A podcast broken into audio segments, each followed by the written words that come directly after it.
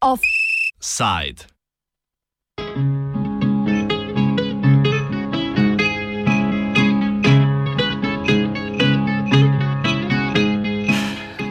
Evropa eno farmo ima, ija, ija, u.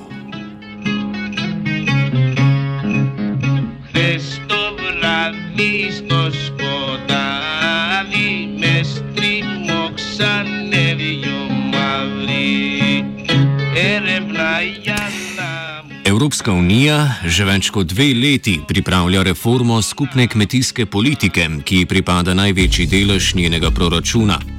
V tem tednu so potekala in še vedno potekajo pogajanja ter glasovanja v Evropskem parlamentu in v svetu Evropske unije, v katerem članice zastopajo njihovi kmetijski ministri. Ti so včeraj po celonočnem sestankovanju dosegli soglasje glede svojega predloga o reformi, parlament pa naj bi z glasovanjem o posameznih amantmajih končal jutri.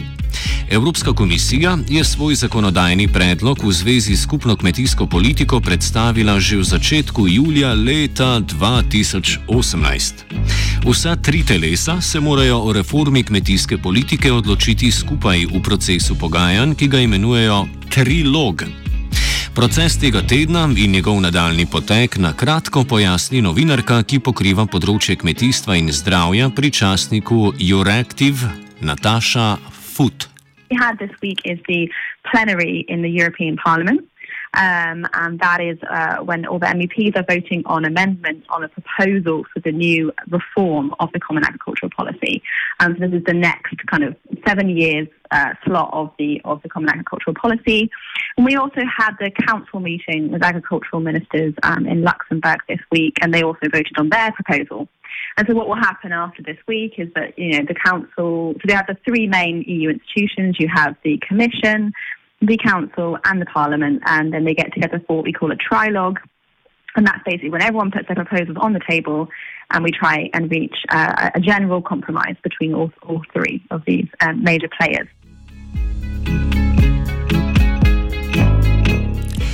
Skupna kmetijska politika na evropski ravni se je vzpostavila leta 1962 z namenom povečati kmetijsko produktivnost, zagotoviti zadostno količino hrane, ki si jo lahko ljudje privoščijo, in omogočiti kmetom dobro življenje.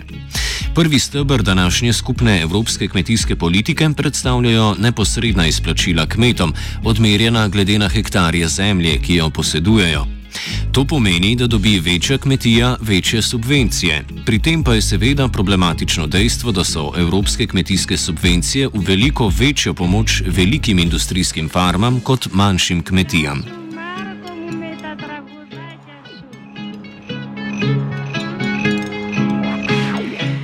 Drugi stebr kmetijske politike predstavljajo ukrepi na področju razvoja ruralnega okolja, podnebja in okolja.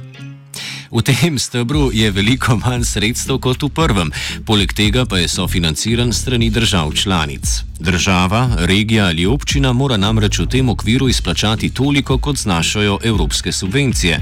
Zato države članice pogosto ne uveljavljajo te možnosti subvencioniranja.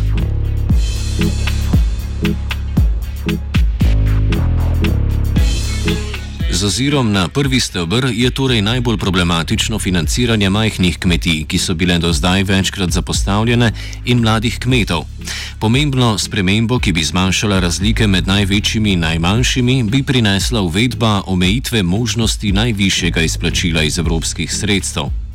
Natančneje pojasni slovenski poslanec v Evropskem parlamentu Franc Bogovič, ki je član parlamentarnega odbora za kmetijstvo in razvoj podeželja. V Evropskem parlamentu od vsega začetka podpiramo to prizadevanje, ki ga je upeljal v to reformo eh, takratni komisar Hogan, da se omeji možnost najvišjega plačila.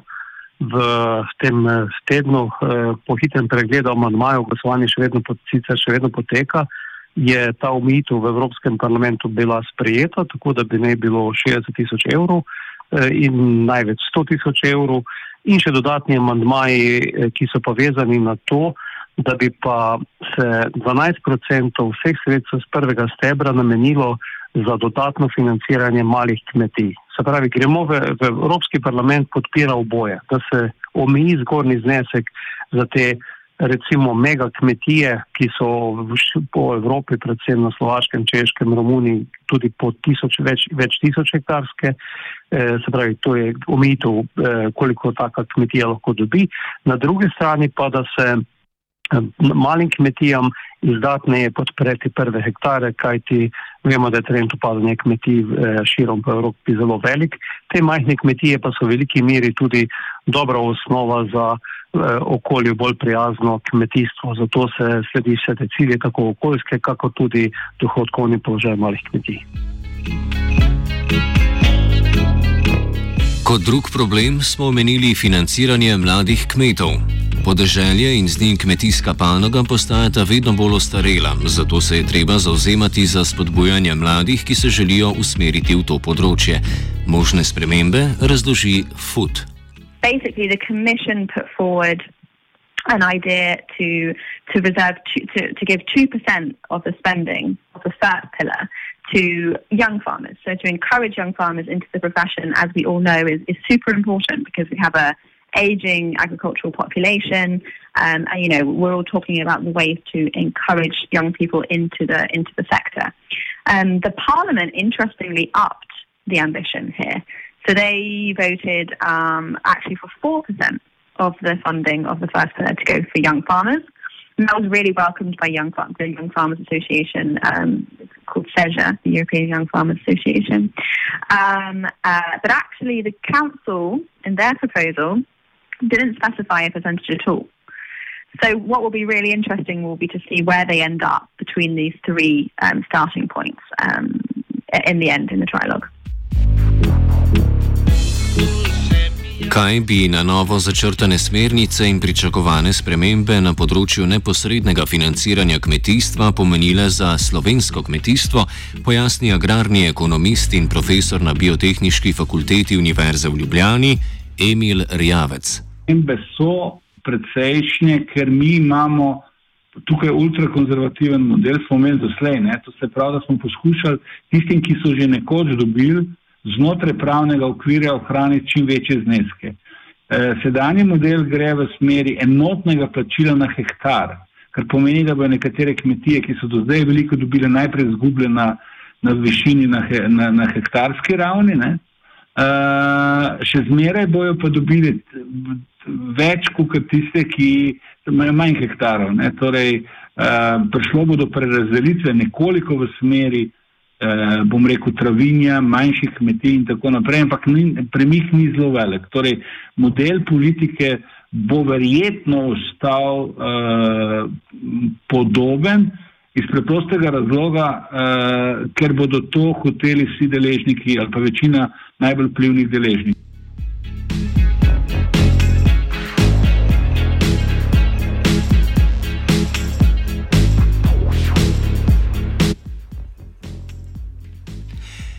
Bistvena točka pogajanj za novo agrarno politiko je bila varstvo okolja. Okoljevarstveniki so se zauzemali za to, da bi Evropska unija upeljala čim strožje pogoje za subvencioniranje kmetov, kar se tiče doseganja okoljevarstvenih standardov. Predlogi, ki so trenutno znani, so nekak kompromis in razvodenela različica tega, kar si je zadala Evropska unija v okviru Evropskega zelenega dogovora in prinašajo precej manj od tega, za kar so se zauzemali akteri zelene politike. Food izpostavi, da je v tem tednu eno izmed večjih kontroverz v Evropskem parlamentu predstavljala odločitev poslancev, da kmetijske politike ne bodo povezali z zelenim dogovorom, ki med drugim predvideva razogličenje Evrope do leta 2050. the MEPs voted not to align the common agricultural policy with the goals of the Green Deal. So the Green Deal is kind of this flagship, um, you know, this, this policy that's been put forward by the by the Commission to try and make um, the EU more environmentally friendly. And within it, it has different strategies. And MEPs, uh, there was a proposal to try and align the common agricultural policy with with the, the goals of the Green Deal, and that didn't pass. So that's been a controversy.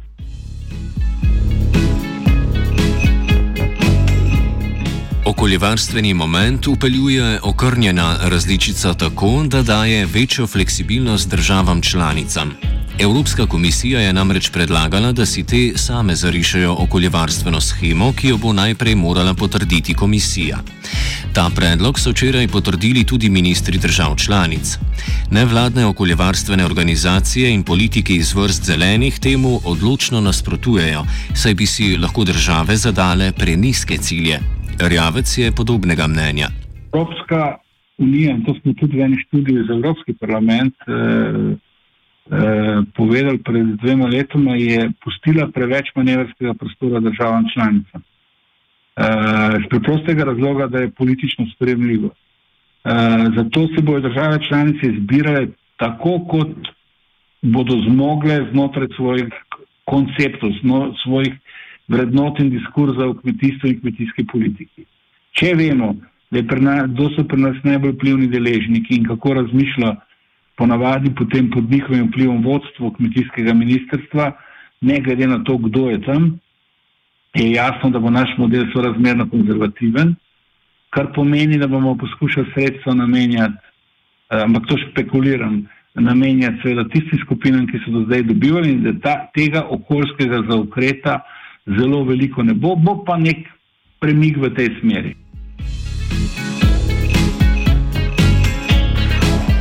V Sloveniji je tako mogoče pričakovati nadaljevanje konzervativnih politik na področju varovanja okolja v okviru kmetijstva. Glavno točko zauzemanja slovenske delegacije v Bruslju je tako predstavljalo rahljanje administrativnih ovir državnih uradnikov. Rjavec. Pravi okoljske zavez vrednote znotraj kmetijstva so bliže vzhodnim kot pa recimo italijanskim in avstrijskim. Včasih smo bili zelo blizu, smo posnemali politiko, vendar smo to nekje tudi zaradi pritiska uh, interesnih skupin v Sloveniji, kmetov, ki seveda je to zelo pomemben vir njihovega dohodka, torej polovica dohodka slovensko kmetijstvo dobi če subvencije, zato tega seveda vejo, da če bo prišlo do novih zahtev, drugačnih pogojev za pridobitev sredstev, bo prišlo tudi do velike prerazdelitve sredstev velika prezitev sredstva pa pomeni, da tisti, ki so do zdaj dobivali, ne bodo tudi naprej. In tu je seveda ta velika borba. Ampak ali naj dobi uh, subvencije tisti, ki je že velik in ima nara dobre naravne pogoje in ima vso mehanizacijo, ali naj dobi tisti, ki je na težjih pogojih, na težjih razmerah, ki je okoljsko prijazno kmetuje in tako naprej. Za nekega državljana, če bi mu dilemo postavili tako, te dileme niti ne bi bilo tako veliko. Ne. Države članice so soglašale s predlogom Evropske komisije, da bi bilo 20 odstotkov subvencij, ki se direktno izplačujejo kmetom, namenjenih za varstvo okolja. To pomeni, da kmet, ki ne izpolnjuje določenih novih okoljevarstvenih pogojev, kot je naprimer organsko pridelovanje, tega deleža subvencij ne dobi. O teh ekoschemah, kot so jih poimenovali, še tečejo pogajanja, saj želi parlament ta delež povečati na 30 odstotkov. Nevladne okoljevarstvene organizacije in del parlamenta pa opozarjajo, da bi to moral biti minimalen delež, ki bi se potem čez leta zviševal. Ekoscheme bi z reformo postale obvezne za države članice, torej jih bodo morale te implementirati v svoje okoljevarstvene smernice, medtem ko bi bile za kmete prostovoljne. Arhitekturo kmetijskih politik pojasni Emil Rjavec. Torej, eh, kmetijska politika govori o okoljski arhitekturi, to pomeni spletu ukrepov, instrumentov, s katerimi to poskuša zagotavljati. Eh, osnove so določena pravila in te so tudi spremenjali zadnjo noč, mislim, predloge so spremenjali, pravim, smo v teku pogajanj. Uh, ampak to v bistvu pomeni, da dobiš denar, če pravilno ravnaš z uh, sredstvi za varstvo rastlin, gnojenje in tako naprej. Potem druga, drugo, druga zgodba, druga plačila so ta tako imena ekoskema ali uh, plačila za okolje in podnebje znotraj prvega stebra, ki so zdaj postala obvezna. Država se jih mora v bistvu domisliti, uh, kmetje jih pa izbirajo. Torej, to ne, ne gre za to, da bi kmetje morali to imeti, ampak uh, uh, se bodo nekateri pač odločili za, za, za te ukrepe. Ti ukrepi in tudi zdaj glavna bitka, ali so to navidezni okoljski ukrepi, ali so to realni okoljski ukrepi in koliko denarja bo in koliko kmetij bo to stalo. Na očitke, čež da okoljevarstveni ukrepi niso dovolj strogi, odgovarja Bogovič, ki je član Evropske ljudske stranke. Eh, Kmetijstvo je v 60-ih letih eh, se začelo s strani skupne kmetijske politike podpirati zgolj v tem proizvodnem delu. Potem v začetku 90-ih letih se je dodalo področje razvoja podeželja, v zadnjih dveh eh, perspektivah pa vedno bolj tudi poudarek na, eh, na okoljskem delu in boju proti podnebnim spremembam. Z eh, tukaj zdaj sprejetimi eh, sklepi, ki jih je sedaj sprejel odbor, se ta ambicija bistveno povečuje od prejšnje perspektive, 30% prvega stebra in 35% drugega, tako imenovanega stebra kmetijske politike, kar je program razvoja podeželja, mora biti namenjen ravno tem ukrepom. Res pa je, da so med eh, skupinami eh, zelo velike razlike in če bi vprašali zelene, bi, bi posem pozabili na tiste, ki eh, eh, proizvajajo hrano, ampak bi dali samo za okoljske ukrepe. Tako da na koncu je prevladal, po mojem prepričanju, nek razum in razumna rešitev, ki so jo tudi v teh tako imenovanih kompromisnih amadmajih podprle te sredinske stranke, se pravi Evropska ljudska stranka, socialisti in pa eh, liberalci. Novinarka Nataša Fut je za konec opozorila na absurdnost pogajanj v parlamentu. Glavne debate se namreč vnemajo glede poimenovanja nemesnih izdelkov, ki imitirajo meso. Govorimo o vegi klobasicah in vegi burgerjih. Definitely in Brussels, there's a, an amendment coming up tomorrow that's really controversial and um, has everyone talking about it, and everyone's everyone's waiting for it. Um, and it's kind of vaguely seems vaguely ridiculous, but it's this amendment on whether you can call um, veg, veggie alternatives, so things like veggie burgers, veggie sausages, um, you know, these kind of plant-based alternatives is what we call them. Um, there's an amendment put forward that would mean that they're no longer allowed to be called meaty names like burgers and sausages and whatever steaks and whatever else. And everyone's completely up in arms about this. Um, and there's a lot of lobbying going on and a lot of campaigns. Um, basically, you have on one side the environmentalists um, and also industry players fighting to keep these names, to be allowed to use these names for plant-based food. And on the other side, you have um, you have basically the European livestock sector saying, no, these are our names and it's our heritage, and they're trying to protect it. And it seems vaguely vaguely ridiculous in the grand scheme of things. You know, if you're talking about, you know, we're talking about voting on this this this huge policy that you know billions of pounds, uh, billions of euros, sorry, and it's come down to. Um, uh, lots of people are talking about this meat name thing, which is which is crazy, but it's really captured people's attention.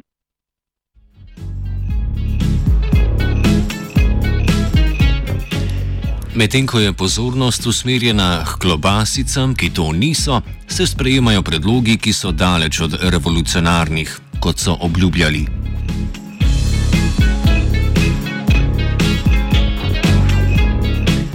Offside je pripravila Aida.